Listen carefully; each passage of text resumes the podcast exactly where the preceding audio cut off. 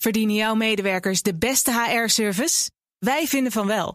Numbers combineert payroll met slimme HR-features. Bespaar kosten en geef medewerkers eenvoudig toegang tot verlof, declaraties en loonstroken. Probeer Numbers op nmbrs.nl. BNR Nieuwsradio. Napleiten. Wouter Laumans en Christian Vlokstra. Het zijn natuurlijk gruwelijke details. Omdat je ook leest dat het meisje net voor haar deur de fiets parkeerde. Uit het niets werd aangevallen. En voor haar deur is het natuurlijk allemaal gebeurd. En wat ik ook heel frappant vond, is dat de buren het hadden gezien. Ze zagen een schermutseling, ze deden de gordijnen open, ze keken ernaar en deden de gordijnen weer dicht.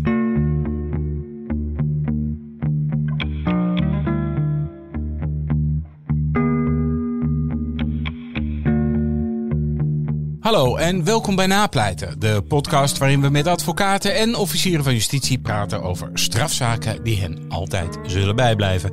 Mijn naam is Wouter Laumans en naast me zit strafpleiter Christian Vlokstra. Welkom Chris. Dankjewel Wouter.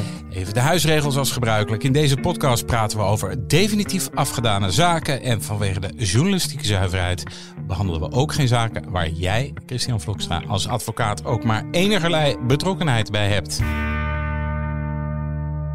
Um, Chris, ik weet dat jij niet uh, bepaald een zede-expert bent. Je doet ze ook niet, liever niet, hè, zedenzaken. Ja. ja, het is niet dat ik ze liever niet doe, maar ze komen niet echt op mijn pad. En ik zoek het niet op. Goed, toch heb ik een vraag voor je. Ja. Wat is nou precies de juridische definitie van verkrachting? Uh, de juridische definitie is, is het dat je uh, seksueel binnendringt bij een ander. Uh, tegen de wil van die ander. en dat kan door middel van geweld, dreiging met geweld, dwang. Uh, maar ook door andere feitelijkheden. Het onverhoeds iemand bij iemand seksueel binnendringen tegen de wil. Waardoor je die ander eigenlijk dwingt hè, dat seksueel binnendringen te ondervinden tegen de wil. Daar komt het eigenlijk op neer.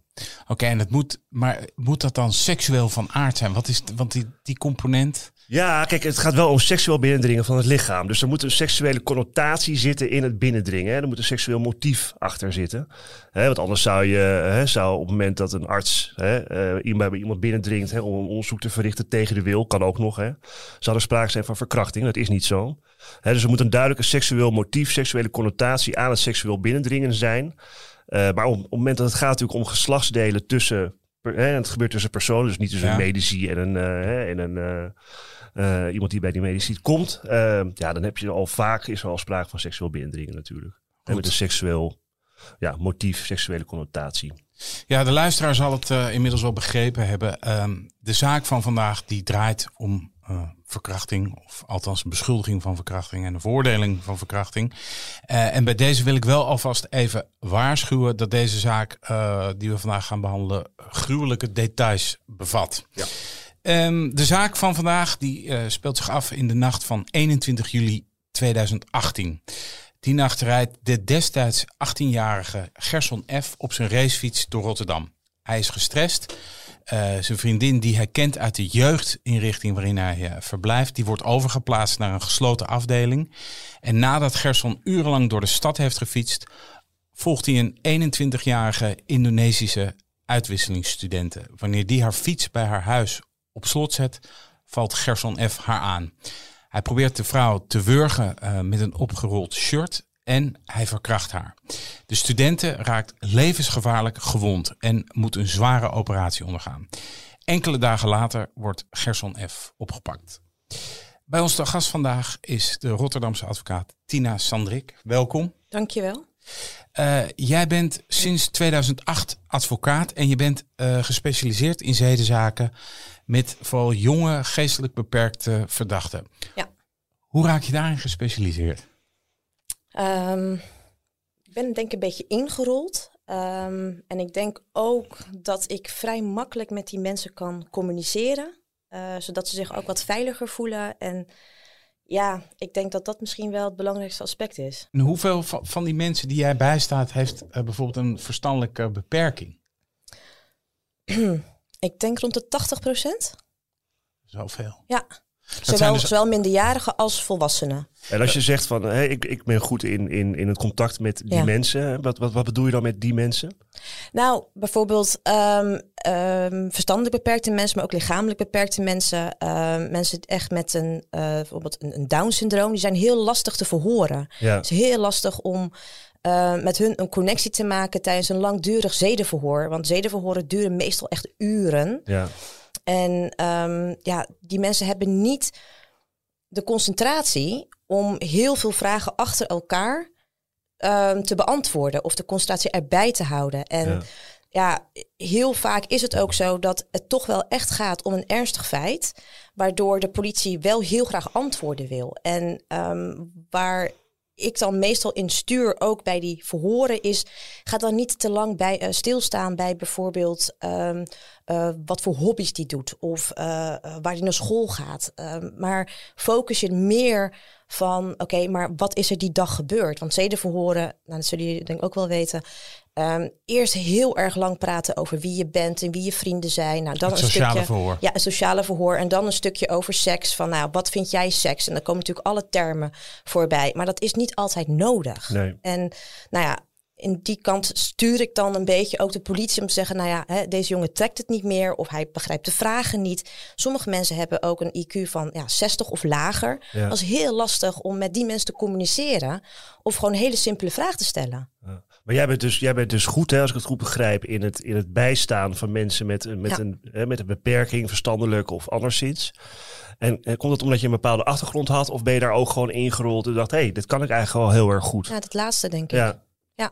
Ja. Het lijkt mij heel ingewikkeld, omdat ik heb het wel eens gehad met een interview, dat je iemand aan het interview bent in, nou ja, in een buurt. Eh, dan bel je aan en dan ga je vragen van, goh, wat is, wat is hier gebeurd? En dan krijg je toch een rare antwoorden dat je denkt, wat moet ik hier nou? Ja. In godsnaam, hier kan ik helemaal niks mee. Ja. En er wordt wel een heleboel verteld. En eh, hoe distilleer je dat eruit? En, maar hoe begeleid jij dan zo iemand? Wat, wat zeg je dan? Want in, tijdens een verhoor kan je er ook niet al te veel mee gaan bemoeien, toch? Lijkt mij.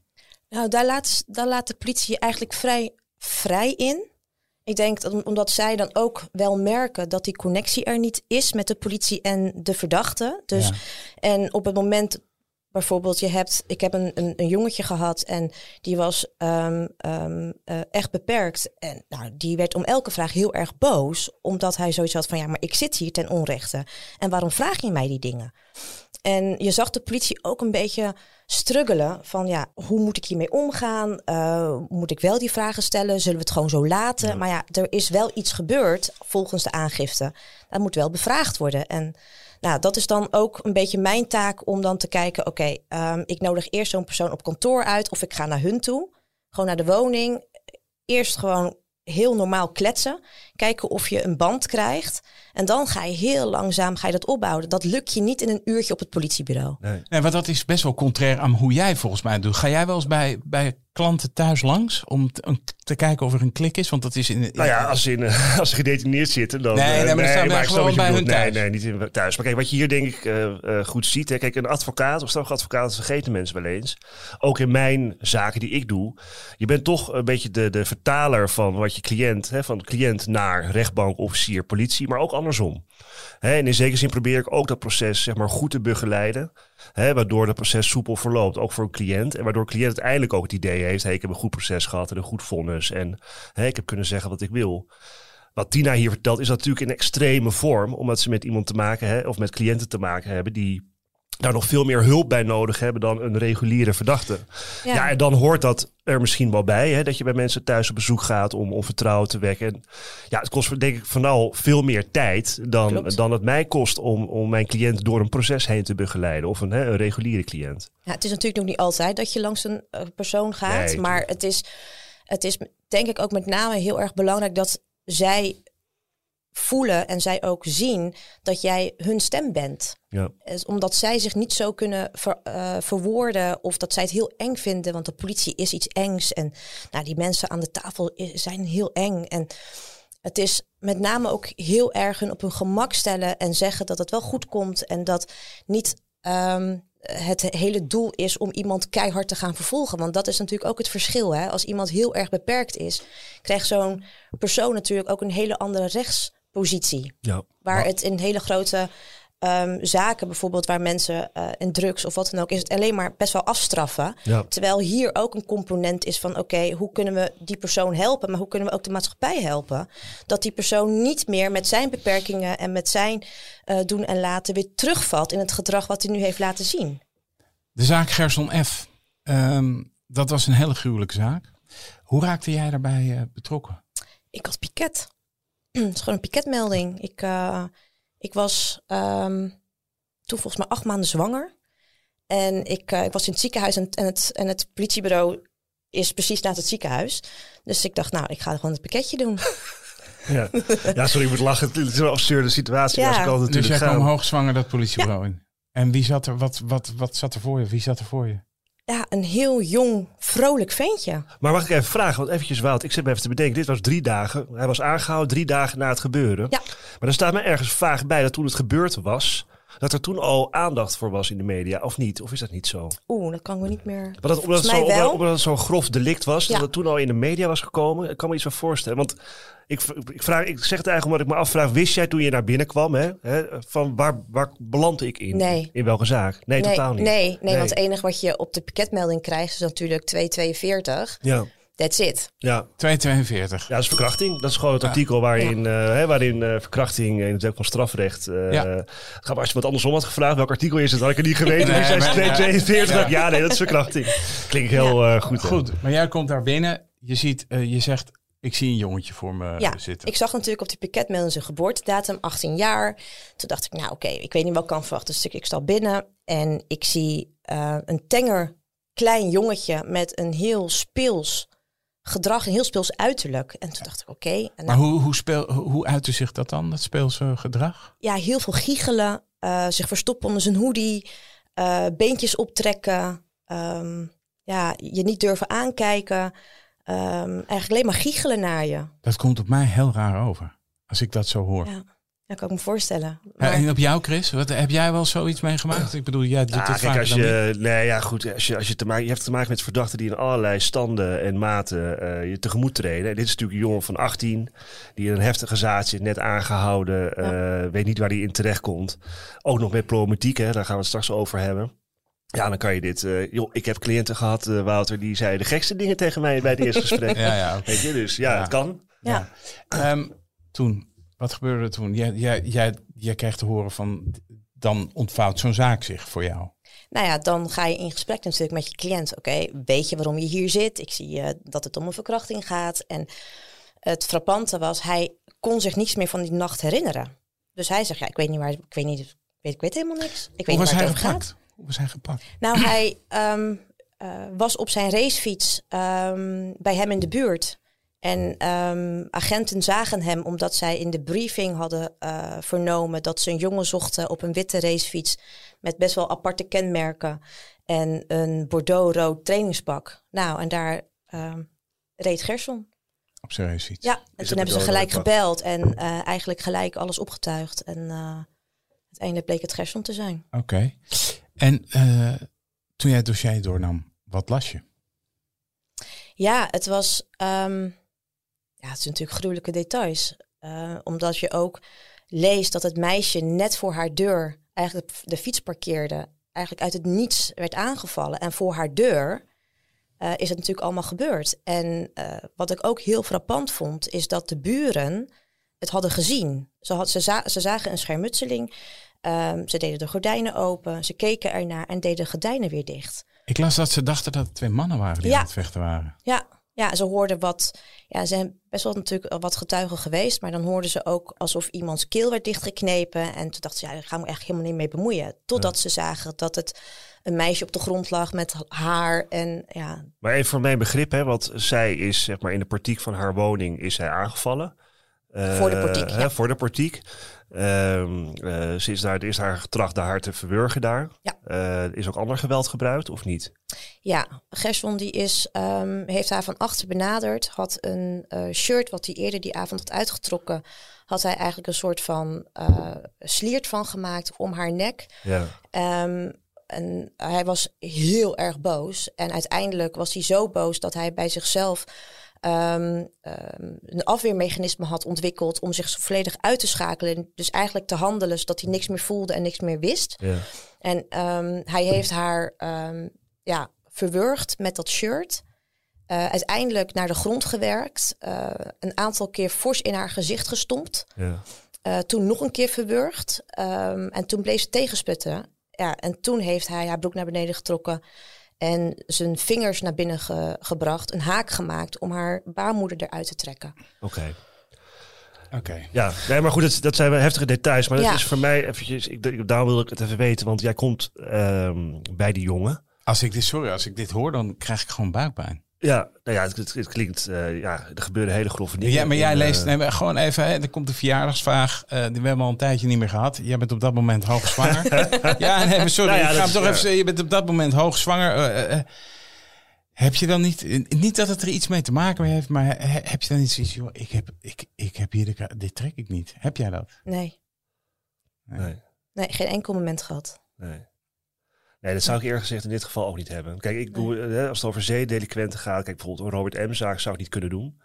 Eh, maar dit vind ik, ja, dit is toch anders. Weet je, kijk, er zijn zoveel, je, je, je, je ontwikkelt toch als advocaat, net als een medicus en ook als journalist wel op, tot op zekere hoogte, denk ik. Toch een soort van ja, scheiding hè, tot wat je binnen laat komen of Ja. niet. Kijk, als hij net zegt tegen mij, eh, hè, hij probeerde een haak te maken om haar baarmoeder eruit te trekken, dan voel ik ook wel even in mijn lichaam, denk van, ai, hè, dat is heel naar. Nou, ze raakte levensgevaarlijk gewond. Ik bedoel, ze is bijna Zeker, weet je, en. Ja. en, en, het, en alle gevolgen van dien. Maar op het moment dat je dat vervolgens dan op je bordje krijgt als dossier en een zaaksadvocaat, ja, dan heb je dat even, dan ga je, ja, dan ga je verder. Ja. Maar wat ik me afvroeg, want kijk, jij wist natuurlijk niet toen je hem daar voor het eerst giechelend en al eh, ontmoette, wist je natuurlijk nog niet dat dit Nee. aan de hand was. En hè, we hadden het net over een dossier, maar hè, dat komt dan later. Wanneer, wanneer kwam je er een beetje achter van, oh jezus, hier is wel iets heel heftigs gebeurd?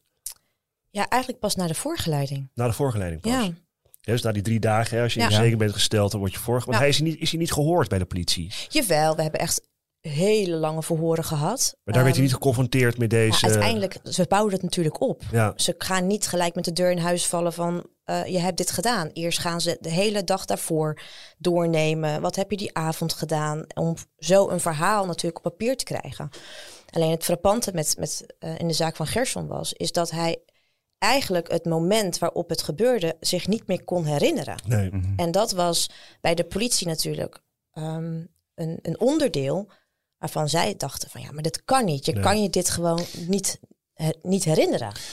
Door deze zaak ontstond er echt hele grote maatschappelijke beroering. Hè? Er is Ja. een, eh, voor het slachtoffer een, een stille tocht gehouden, wat uitzonderlijk is, omdat dat meestal gebeurt bij eh, slachtoffers die komen te overlijden. Ehm, en ehm, je las overal, het kan, had iedereen kunnen overkomen. Dat is natuurlijk ook iets wat natuurlijk eh, die angst veroorzaakt, is Ja. van joh, je fietst naar huis en opeens springt er zo'n gek op je. op je en die doet de meest vreselijke dingen Ja. met je.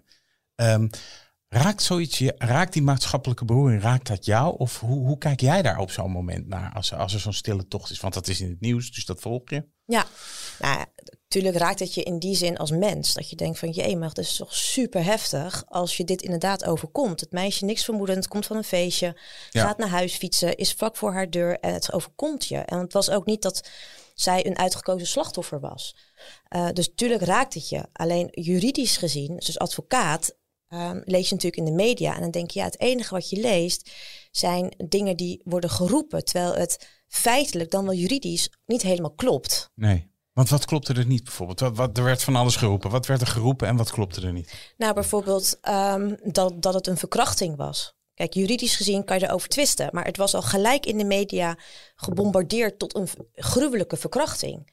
Terwijl je er juridisch nog over moet gaan ja, ehm steggelen van is het een verkrachting? Is het een, een, een voortzetting van de enorme gewelddadige uitbarsting die hij op haar heeft gebotvierd?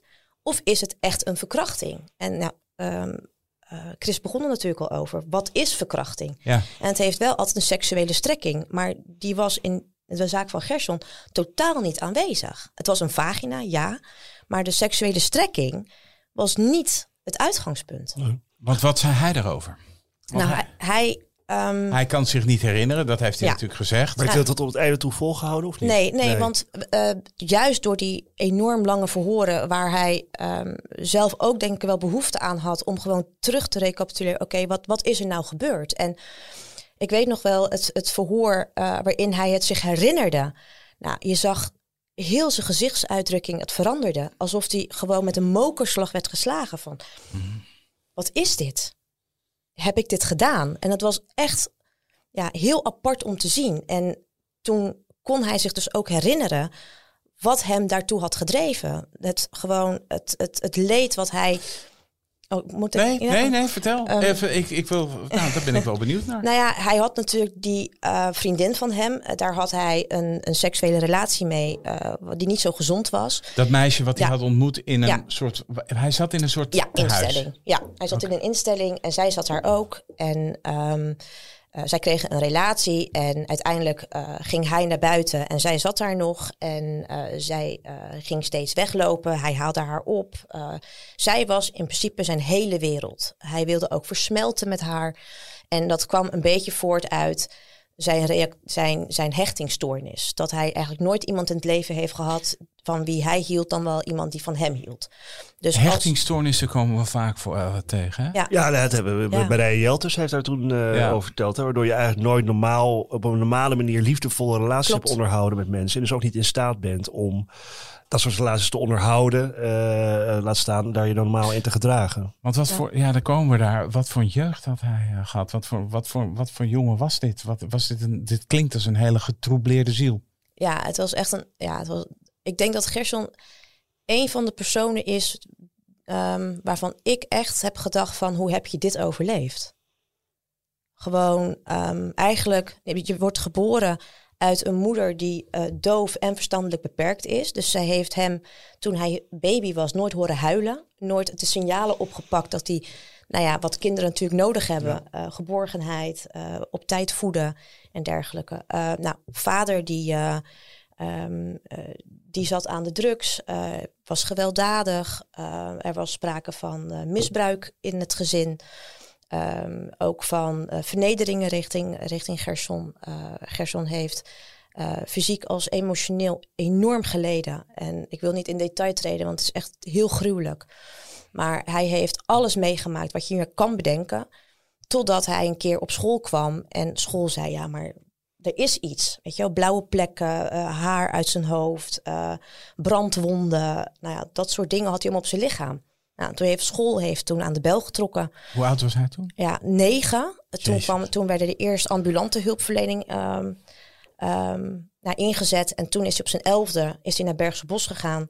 Ja, en toen is hij gewoon Wat natuurlijk... is Bergse Bos? Ja, is voor eh, twaalf minners. Dus zeg maar zo'n instelling voor twaalf minners die eh, problemen thuis hebben en die gesloten worden geplaatst. Oké. Dus hij zat vanaf zijn negende eigenlijk al Ja, in, in, ja. in, eh, in het systeem, om Ja. het zo maar eens te zeggen. Maar Ja. op deze avond, hè, want ze had dus eigenlijk een soort van symbiotische relatie eh, gekregen met een, eh, met Ja. een vriendin. En dat was Nou misgegaan. hij, nou ja, hij had voor zichzelf de keuze gemaakt om haar niet op te halen eh, in een dierentuin. Zodat ze samen konden weglopen. Omdat zij nog de kans had om niet gesloten te zitten.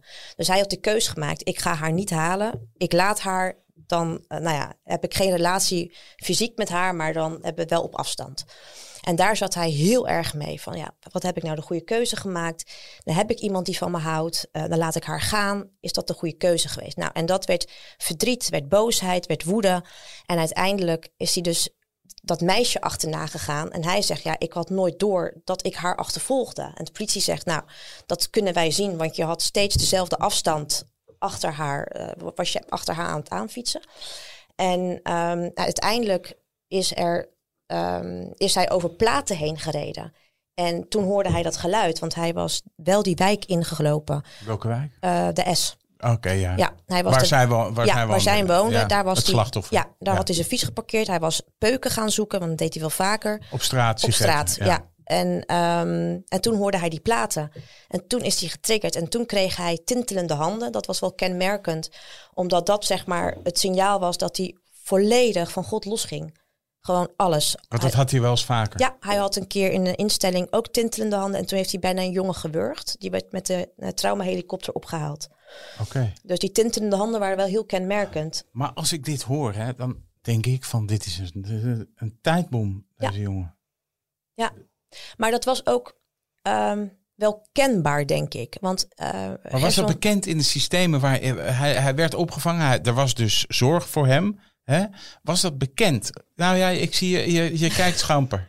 Nou ja, kijk, hij zat natuurlijk vanaf zijn negende was hij bekend. Vanaf zijn elfde zat hij gesloten. Er zijn in die tussentijd zoveel rapportages over hem geschreven, waar het elke keer werd gezet. Hij heeft een ontembare woede. Met die woede moeten we iets. Maar elke keer was hij te complex, ehm, te weinig eh, specialisaties in die instellingen. Hij werd elke keer overgeplaatst. Hij is zo vaak overgeplaatst dat hij op een gegeven moment werd hij 18 en toen was het ja, je bent 18, doei. Oh, echt? Ja, en dan mocht hij terug naar zijn moeder. En hij had geen band met zijn moeder, want hij was vanaf zijn negende eigenlijk al ja, weg van zijn moeder. Dus, Was hij nou nooit eerder in dat hele traject hè, van 9 tot 18, om het voor mij even te zeggen, nooit eerder met strafrecht in aanraking gekomen? Nou ja, jawel. eh, vanwege die eh, mishandeling, daar was hij ook voor geweest. En toen stond ik hem niet bij. Nee. Ehm, maar wat ik toen heb gelezen is dat hij is voor geweest. Hij had er ook jeugddetentie voor gekregen voor die verwurging, voor de zware mishandeling. Oh ja, van die jongen natuurlijk. Ja, van de jongen. En eh, toen is er geen pij gevraagd. Nee. Jeugd-EBS. Ja, jeugd-TBS is niet gevraagd, ook niet gegeven toen. Ja, en toen werd hij 18 en dan is het, eh, eh, ga je zelf maar redden. Hij werd natuurlijk wel aangemeld bij de, bij de reclassering, maar je moet je ook voorstellen, je weet eigenlijk helemaal niet hoe de maatschappij werkt. Je hebt nooit eh, hoeven ehm, eh, vechten voor een, een, een, een inkomen of eh, eten Nee. of dagbesteding. Alles werd voor je geregeld. En op een gegeven moment word je losgelaten. Ja, en dan moet je. En dan moet je, nou, en dan komen de straatroofjes. Want ja, zijn vriendinnetje wil ook leuke cadeautjes. Dus dan ga je zo in je, ja, in je geld voorzien. Ja. En eh, nou, hun seksuele relatie werd natuurlijk veel extremer. En op een gegeven moment vervagen zijn grenzen. Hij heeft hoezo erg- werd, want je zegt hun seksuele relatie werd natuurlijk veel extremer. Hoezo natuurlijk?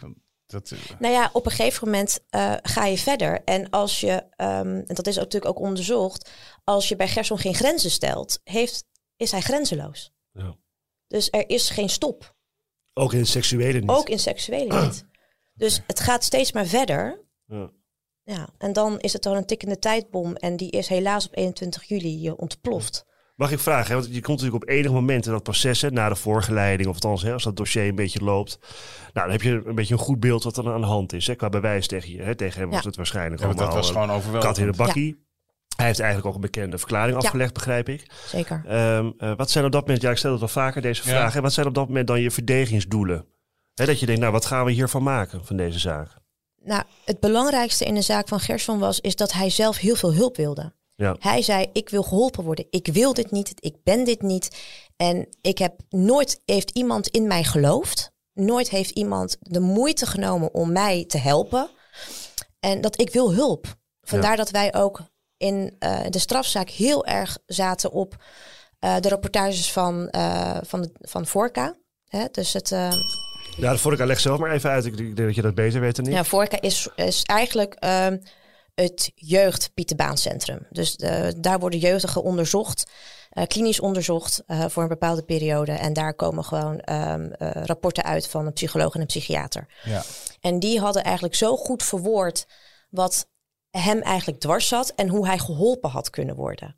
Nou, en dat, dat, dat was denk ik wel het belangrijkste. Gewoon de hulp die hij nodig had. Want ze hadden ook gezegd, ja, je bent destijds toen 19 tijdens het, eh, het, eh, de eerste aanleg. Het duurde natuurlijk een jaar voordat hij eh, inhoudelijk gaat. En eh, toen zeiden ze ook van ja, hij moet geholpen worden. Wil de stoornis niet erger worden? Ja. Ja, want de, de zaak begon eh, in, in juni eh, t- 2019, dus dat Ja. is nou, bijna een jaar la- later. Eh, het slachtoffer, wiens, het was nog opvallend, hè? Het- haar naam werd niet genoemd eh, tijdens de Klopt. zitting, dat wilden ze niet. Nee, dat hebben we toen ook. De, de officieren hadden mij gebeld van eh, dit vinden we eigenlijk omdat het eh, ja. Het is natuurlijk een exchange studenten, eh Indisch, eh, Indonesisch, eh, Ja. Erasmus, boehoe. Dus ja, hoeveel zijn het er? Dus dat, dat wilden we niet. Oké, en- Dus ik dacht ook van, eh, het, het is gewoon gruwelijk. En Ja, want zij heeft, ook, zij heeft wel een slachtofferverklaring eh, afgelegd. Ehm, en daarin zei ze, en dat vond ik zo opmerkelijk dat ik het eh, hier ook even aanhaal. eh, je hebt mij zoveel pijn toegebracht dat het niet te beschrijven valt.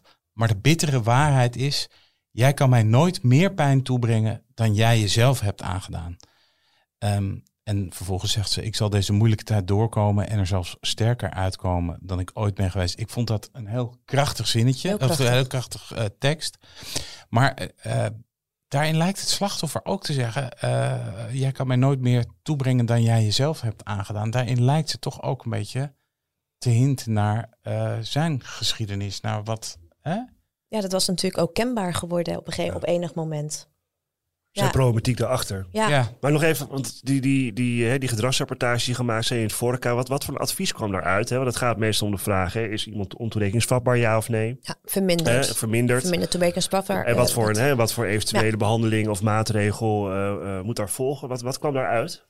Eh, zij adviseerde PEI, dus Ja. jeugd-TBS, omdat zijn stoornis nog niet dusdanig vastgeroest was dat, dat er nog behandeling mogelijk was en groei mogelijk was. Want Ja. hij had eigenlijk ten tijde van eh, zijn detentie van dat jaar eigenlijk laten zien dat hij nog heel veel kon leren. Dus dat hij niet uitgeleerd was. En dat was volgens een deskundige wel heel belangrijk. Dat in de PEI, dus voor, voornamelijk de orthopedagogische setting van zo'n, van zo'n instelling en van zo'n, hè, eh, van zo'n eh, kliniek dan, eh, dat daar nog groei in mogelijk was. Want hoe, als hij kan groeien, kan er ook beter met de stoornis omgegaan worden. Ja. En kan hij misschien ooit nog Ja. naar buiten. Ja, wat raakt natuurlijk de kern van de vraag: wat doen we met dit soort mensen? Dat, Ja. hè, we gooien. Ja, dus, eh, je Gooi je wel- sleutel weg of niet, bedoel je? Ja, gooi de sleutel weg, joh, TBS en zoek het verder maar uit. Eh, die vraag is, en we, we behandelen hier bijna geen eh, actuele zaken, maar eh naar aanleiding van de gebeurtenissen in Kerkrade, hè, de, de, de, de roep, wordt, komt die vraag Ja. ook weer naar, naar voren van, joh, moet je zo iemand niet, eh, hoe kan het dat zo iemand eh, buiten rondloopt? Dat is dan de brom die je zo hoort. Dat is in deze zaak ook natuurlijk geweest. Hoe kan het dat de- deze Ja, maar ja, deze, jongen maar buiten? deze jongen was op zich nog niet bekend als, als zware geweldsdelinquent. Laat staan op een maar de zeedelinquent. rapportages waren eh, daar tijdbom. Dat is Nee, gewoon- zeker, zeker. Maar ik bedoel, kijk, het is natuurlijk... eh, Nee, kijk, als hij eh, haar had omgebracht, Chris, denk ja. ik echt dat, dat daar de maatschappelijke verontwaardiging nog veel groter misschien wel geweest zou zijn. Eh, en dat er misschien wel gezegd was, joh, we wisten dit, hoe, hoe kan dit nou toch gebeuren? Nee, En, nee, nee, daar ben ik helemaal met je eens. Dat ben ik helemaal met je eens. Maar kijk, dat betekent ook dat op het moment dat zo'n zaak dan gaat spelen, dat heb je nu natuurlijk ook met, met Kerkrade, Ja, is daar- natuurlijk ook de vraag, je hebt te maken met een jongen van 19 met allerlei problematiek, eh ernstig strafbaar feit, verminderd toerekeningsvatbaar, een PEI of een TBS-maatregel zou misschien in de reden liggen, maar goed, er moet misschien ook wel een straf volgen. En daar zit natuurlijk ook vaak het probleem, en dat is precies wat, wat Tina denk ik omschrijft, op het moment dat je deze jongen een lange gevangenisstraf geeft en vervolgens pas een TBS-maatregel of een PEI-maatregel, wat gaat er dan gebeuren? Dat die stoornis die nog in ontwikkeling is, Ja.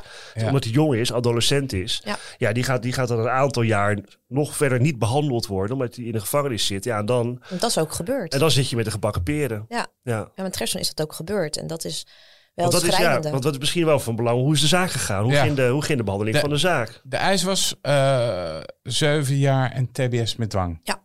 Wat heb jij als verweer? eh? Ehm, wat was jouw verweer, de kern? Ik heb eigenlijk, ehm, net als de deskundige, eh, aan de rechtbank gevraagd om hem eh, te berechten via het adolescentenstrafrecht. Dus eh, daar krijg je eigenlijk max twee jaar voor welk feit je ook pleegt. Heel erg, zeg maar, ook voor moord en dergelijke. Krijg je max twee jaar. Maar wel met de behandeling PEI. En met name omdat de, de deskundigen waren zo helder in de uitleg dat deze jongen echt nog potentie had om te groeien. Ja. Nou, dat had de rechtbank ook opgelegd. Eh, twee jaar eh, volgens mij en ehm, een bijmaatregel. Ja, Nou, toen is het OM in hoger beroep gegaan. Wij zijn meegegaan in hoger beroep. gewoon omdat, volgepel. ja, maar ook omdat hij is veroordeeld voor die verkrachting. Terwijl wij zeiden eigenlijk van, nou, juridisch gezien zie ik het niet dat het een verkrachting is. Los van het gevoel wat het meisje had en dergelijke. Ehm, juridisch gezien was er echt nog wel het een en ander over te zeggen. Want hij heeft altijd gezegd, ik had geen seksueel Nee, motief. hij zei: Ik heb haar niet verkracht. Ik heb haar heel erg veel pijn gedaan. Ik heb haar echt afschuwelijk veel pijn gedaan, maar ik heb haar niet verkracht. Nee. Dat argument werd, je, werd er waarschijnlijk een dank afgenomen, of niet? Nou ja, Het is een lastig argument natuurlijk. Want Het het is natuurlijk zeker in de, in de publieke eh, opinie is ja, Ja. weet je, als je dit doet, ja, dat, dat wordt als verkrachting gezien. ja, Maar ja, ik moet je eerst zeggen, als ik jou zo hoor, en ik heb ook wel wat stukken gelezen, ja, als het puur een geweldsdaad is. kijk, hè, ik had ook bepleit. Als het nou zo zou zijn dat hij direct naar de vagina was gegaan, had ik Ja. niet echt heel veel op te merken. Maar het was eerst wurgen, kapot slaan, wurgen. En toen bleef ze tegenstribbelen. En toen is hij naar de vagina gegaan. Ja. Omdat hij zei, ja, ik weet dat dat het meest gevoelige onderdeel is van een vrouw. Ja. En daar moet ik haar pakken, zodat ze blijft liggen. Nou, en dat heeft hij toen gedaan. En hij, het, wat ook kenmerkend was en wat we ook hebben gevraagd is... is hij nou... Heeft hij één beweging in de vagina gemaakt of is hij vaker de vagina ingegaan? En daarvan had hij gezegd, nee, één keer. Slachtoffer zei ook, één keer. Hij heeft gewoon die haak gemaakt en getrokken. Ja. En dat vond ik ook kenmerkend, want een, eh, de analyse van de, van de uitspraken over verkrachting was het wel dat het meerdere bewegingen zijn. eh, Ja. Nou, en dat zag ik gewoon niet. En te hebben En waarom was dat punt voor jou zo van belang? Want omdat het misschien qua strafmaat, hè, want je hebt wel een ander strafbaar feit wat je dan op kan Ja. plakken, misschien niet heel veel uitmaakt. Nee, maar wel voor zijn behandeling. Want op het moment dat ehm, hij behandeld zou worden in het TBS, want daar gingen ze wel van uit. Ze hadden wel pij opgelegd, maar in het vonnis stond ook van ja, zeven jaar is niet haalbaar, dat het zal een omzetting worden. Ja, is even van belangen en pijmaatregel. Het duurt max zeven jaar. maximaal zeven Ja. jaar. Ja. Dus dat hadden ze ook in het vonnis hadden ze allemaal al rekening mee gehouden dat het echt wel een omzetting zou gaan worden, omdat de problematiek te ernstig was om het af te ronden in die zeven jaar. Ehm, maar als je de TBS inkomt en je hebt een zedenfeit eh, op, je, op je strafblad, zeg maar, eh, dan wordt dat het eh, indexdelict. Ja. En het indexdelict is dan, je wordt behandeld voor een zedenproblematiek. Maar bij Gerson is het niet zozeer de zeden die op de voorgrond staat, maar meer de agressie. Ja. En met die agressie en met het, die woede. Ehm, uiteraard heeft hij ook een seksuele stoornis, maar dat staat niet op de voorgrond. Maar je Ja, wordt dus is eigenlijk alsof je, een auto, behandeld. alsof je een auto naar de garage ben- brengt en ze gaan de banden repareren terwijl het eigenlijk de accu moet zijn. Ja, Ja. en dat is gewoon zo zonde van de tijd. Ja. Hè, van, van, het haal, van de haalbaarheid van, van de behandeling. Want dan behandel je iemand ehm, waar je natuurlijk ook wel voor behandeld moet worden, maar niet, als, niet voor de kern. Een uur na het uitspreken eh, van het vonnis, eh, journalist, collega van mij, Paul Verspeek, heeft een, eh, een, een hoofdstuk in een boek aan deze zaak gewijd. Eh, zeer leesbaar. Ehm, en daarin staat te lezen, een uur na het uitspreken van het vonnis gooit Kamerlid en jurist Thierry Baudet van het Forum voor Democratie eh, zijn ongenoegen op Twitter. Eh, en Baudet schrijft: Wurging, verkrachting, slechts twee jaar straf. Volwassen dader berecht als kind, want moeilijke jeugd, onverteerbaar. Ik kan alleen maar denken aan dat arme meisje. Gaat ook nul afschrikkende werking vanuit. Met dit soort rechtspraak zijn vrouwen vogelvrij.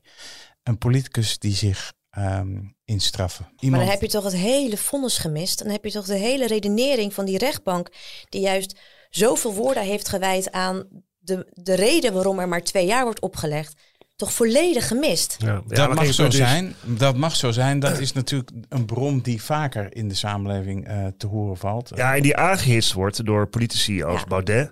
eh, of eh, heet die, die, die, die eikel van, eh, van de PVV, Marcus uh. Eh, die donders goed weten hoe het echt zit. Hè, maar hun achterban ophitsen Ja. met dit soort slappe gelul. Ja, sorry, ik word er altijd heel giftig van. Ik Daarom ga aan ik zo praten. Nee, maar kijk, wat me ergert namelijk is dat, kijk, dat mensen het niet snappen. Dat snap ik.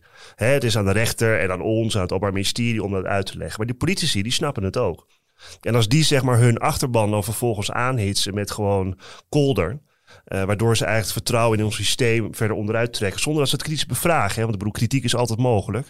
Ehm, ja, daar heb ik heel weinig waardering voor. Hoe, eh, heb je, eh, had jij die tweet, kreeg jij die mee ook gelijk? Nou, ik heb zelf geen Twitter. Ehm, Nee, maar- ik heb het wel. Moet je ik, zo houden. Zonder. ik heb het ja. wel. Ja, ik kreeg natuurlijk wel allemaal appjes en berichtjes. Oh, kijk dit. En het enige wat ik dacht van serieus. Ja. Ik bedoel, dan, dan mis je toch de volledige kern. Ja. Dan, dan, dan informeer je de maatschappij toch ook gewoon Ja. verkeerd. Maar wat had het OM dan geëist? Eh, Zeven jaar in TBS. zeven jaar in TBS. Dus die, die wilde hem echt gewoon eerst een lange tijd in de gevangenis. Ja. Dan echt een serieus TBS. ja, eh, we hebben op zitting ook echt wel eh, heel lang stilgestaan bij het horen van de psychiater en psycholoog. Ja.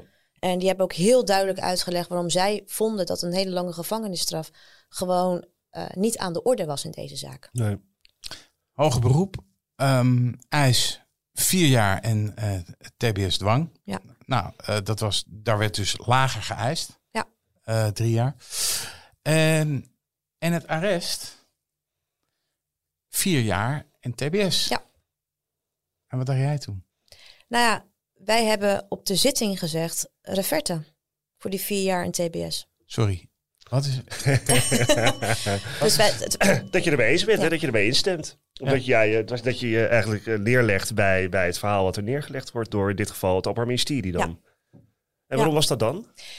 wij ehm, hadden twee jaar en een pij. Ja, Ehm, vervolgens is er ehm, tot aan de hoge beroepszitting, toen Gersel al vier jaar zat, Ja, was er niks aan gedaan om hem in een bijzetting te krijgen. We hebben eh, procedures gevoerd, overplaatsingen gevraagd. Ehm, we zijn zelfs naar het hoogste college geweest die zich bezighoudt met detentierecht, om het zo maar te overplaatsingen. Hm. Allemaal afgewezen, omdat zij zeiden hij is te complex voor een bijzetting. Voor een Oh jeetje, dus Ja. de rechtbank had, eh, heeft eigenlijk een, een, een, een, maatregel opgelegd die in de praktijk niet uitvoerbaar bleek volgens de... Volgens het eh, Openbaar Ministerie inderdaad. Dus ik heb in hoger beroep Help Oh. me heel even. Ik Ja. denk ook dat de luisteraar... dit- Nou ja, kijk, kijk de, de rechtbank legt op twee jaar gevangenisstraf en een pijnmaatregel. Ja. Ja, En jeugd-TBS, maar wel eh, eh, gericht op de problematiek van deze, van Ja. deze Gerson. Maar daar wordt hoog beroep ingesteld. Dus die tijd, die zit hij al. Hè, want hij zat al een jaar. Hè, dus eigenlijk moet hij er op een gegeven moment, als die twee jaar voorbij zijn... Ja, dan moet hij ook wel daadwerkelijk overgeplaatst worden. In om een, te bega- in behandeld een inrichting om die pijnmaatregel Ja. te krijgen, die behandeling te krijgen. Maar eh, Tina zegt net, ja, hè, hij kon niet geplaatst worden, want iedereen vond hem te complex om hem te behandelen in het kader Ja. van een pijnmaatregel. Dus toen hij bij het Hof kwam, in zijn hoge beroep, toen zat hij inmiddels al bijna vier jaar. Ja. En toen werd er dus vier jaar en TBS geëist. En dan kan ik je ook beter volgen. Dan zeggen, ja, weet je, doe dat dan maar. Ja. Want dan wordt het misschien wel geregeld. Ja. dan, dan krijgt hij wel behandeling. En toen?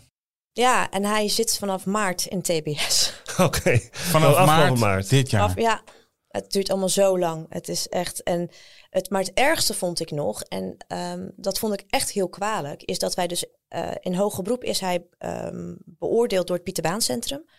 En toen zeiden zij dus, die stoornis is veel erger geworden, Ja. want hij is niet behandeld. Ja. Nou, toen kon je me lek schieten. Toen Ja. dacht ik, ja, maar wat heb ik nou de afgelopen twee jaar lopen rellen? Ik heb procedure op procedure op procedure gevoerd met het argument van laat hem niet zitten in die gevangenis, want het wordt alleen maar erger en dan heb je niks meer. Nee.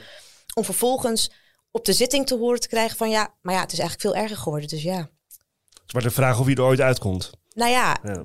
die kans is klein. Ja. Oh, die is echt klein ook. Ja, die is je klein. Heb jij nu nog wel eens eh, contact met hem? Ja. En hoe gaat het met hem? Nou, hij is heel blij dat hij in de TBS zit. Dan staat hij open voor behandeling ook. En, Ja, hij, ja. hij schreeuwt al vanaf 2011 hè, ja. dat hij behandeling wil. Maar dan kan het nog misschien best wel wat worden dus. Nou ja, de stoornissen zijn natuurlijk gewoon ja, eh, vastgeroest, om het Ja. zo maar te zeggen. Als jij vijf jaar lang eigenlijk ehm, in de gevangenis eh, verblijft met de standaard behandelingen, eh, systeemtherapie, kleurenschema's, weet ik veel wat ze allemaal doen. Ja, daar, daar, dat, dat, dat is leuk, maar dat, ehm, daarmee pak je niet de stoornis aan. Nee. Chris, je zegt, eh, daarmee kan het nog wat worden. En- en dan denk ik toch, ja, en dan ben ik misschien een enorme lul, maar dan denk ik, ja, als hij over een paar jaar naast mij komt wonen, ik weet niet of ik dan zo blij zou zijn. Nee, dat kan ik me heel goed voorstellen. Eh, ik weet niet of ik daar heel blij mee zou zijn. Maar, ik zou eh, daar, Maar kijk, het punt is natuurlijk Angstig wel hè, dat ons TBS-systeem in die zin wel goed in elkaar steekt. Laat het wel zijn dat, kijk, je komt niet zomaar uit de TBS. Hè. Ik bedoel, als Nee. hij ooit uit de TBS komt en er zijn daar verloven aan, aan, aan vooraf gegaan. En, en dan mag je ervan uitgaan dat het risico op herhaling eh, zeer laag tot nihil is. Neem niet weg dat het af en toe wel eens misgaat. Eh, ook na, het, hè, het, na, na een TBS-maatregel. Maar kijk, gelet op de politiek van, van, van deze Gerson en, hè, en, het, en het indexdelict, om het zo maar te noemen. Eh, nou, indexdelict. nou ja, goed, het feit waarvoor je... ik voor- even bellen, ja, dat doen ze zo in de TBS-praktijk. Dus het feit waarvoor je veroordeeld bent Ja. en waarvoor je de TBS hebt gekregen, dat noemen ze dan het indexdelict. Ja. Omdat het van Ja. belang is voor de behandeling, maar ook voor de eventuele verlenging. Ja, het is gewoon jargon, weet je. Het gaat niet moeilijk. eh, ehm, maar het is natuurlijk dusdanig ernstig dat je dat, dat, dat soort mensen... Die, komen niet zomaar vrij, laat ik het zo zeggen. Er moet er wel echt... Ja, eh, maar eh, Gerson die had ook in hoge beroep op aangegeven van... ik weet niet of ik ooit nog naar buiten wil. ja, dat kan je ook krijgen. Want ik, heb, ik wil die stress niet meer. Ik wil niet die stress dat ik elke dag opsta, niet weet wat ik moet doen, niet weet hoe ik aan mijn brood moet komen, honger lijden, eh, rondrijden op mijn fiets. Ja, en als je al vanaf je negende in instellingen zit... Ja. Ja. Nee, Je kijk, weet niet hoe de maatschappij werkt. Nee. Ik vind dit soort verhalen, ik bedoel dat slachtoffer, eh, dat is afgrijzelijk. Eh, voor Gerson is het eh, afgrijzelijk. Het is een, zo'n verhaal met alleen maar verliezers. Hoe kijk jij nou terug op deze zaak? Ik vind het, ehm, ik vind het zo jammer dat hij wederom niet de kans heeft gehad om te groeien. Ik vind het zo jammer dat hij na eerste aanleg niet de kans heeft gehad om te laten zien dat hij het waard is. Want dat is wat hij namelijk altijd te horen heeft gekregen. Je bent het niet waard. En dat is eigenlijk nog steeds zo. Tina Sanderik, dankjewel voor dit, uh, voor dit verhaal. Dit was Napleiten. De uitspraak in deze zaak kunt u nalezen op rechtspraak.nl. Mijn naam is Wouter Laumans. En naast mij zit co-host advocaat Christian Vloksta. Deze podcast is te beluisteren op Apple Podcasts en Spotify. Vergeet u vooral niet te abonneren, dan bent u op de hoogte als er een nieuwe aflevering online staat. Verder zijn we te volgen op Twitter en Instagram. Dank voor het luisteren en graag tot de volgende keer.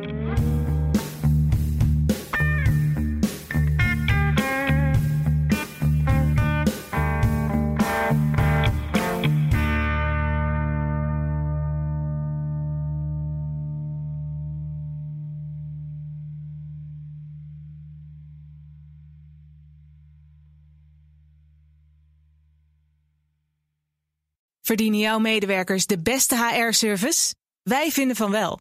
Numbers combineert payroll met slimme HR-features. Bespaar kosten en geef medewerkers eenvoudig toegang tot verlof, declaraties en loonstroken. Probeer Numbers op nmbrs.nl.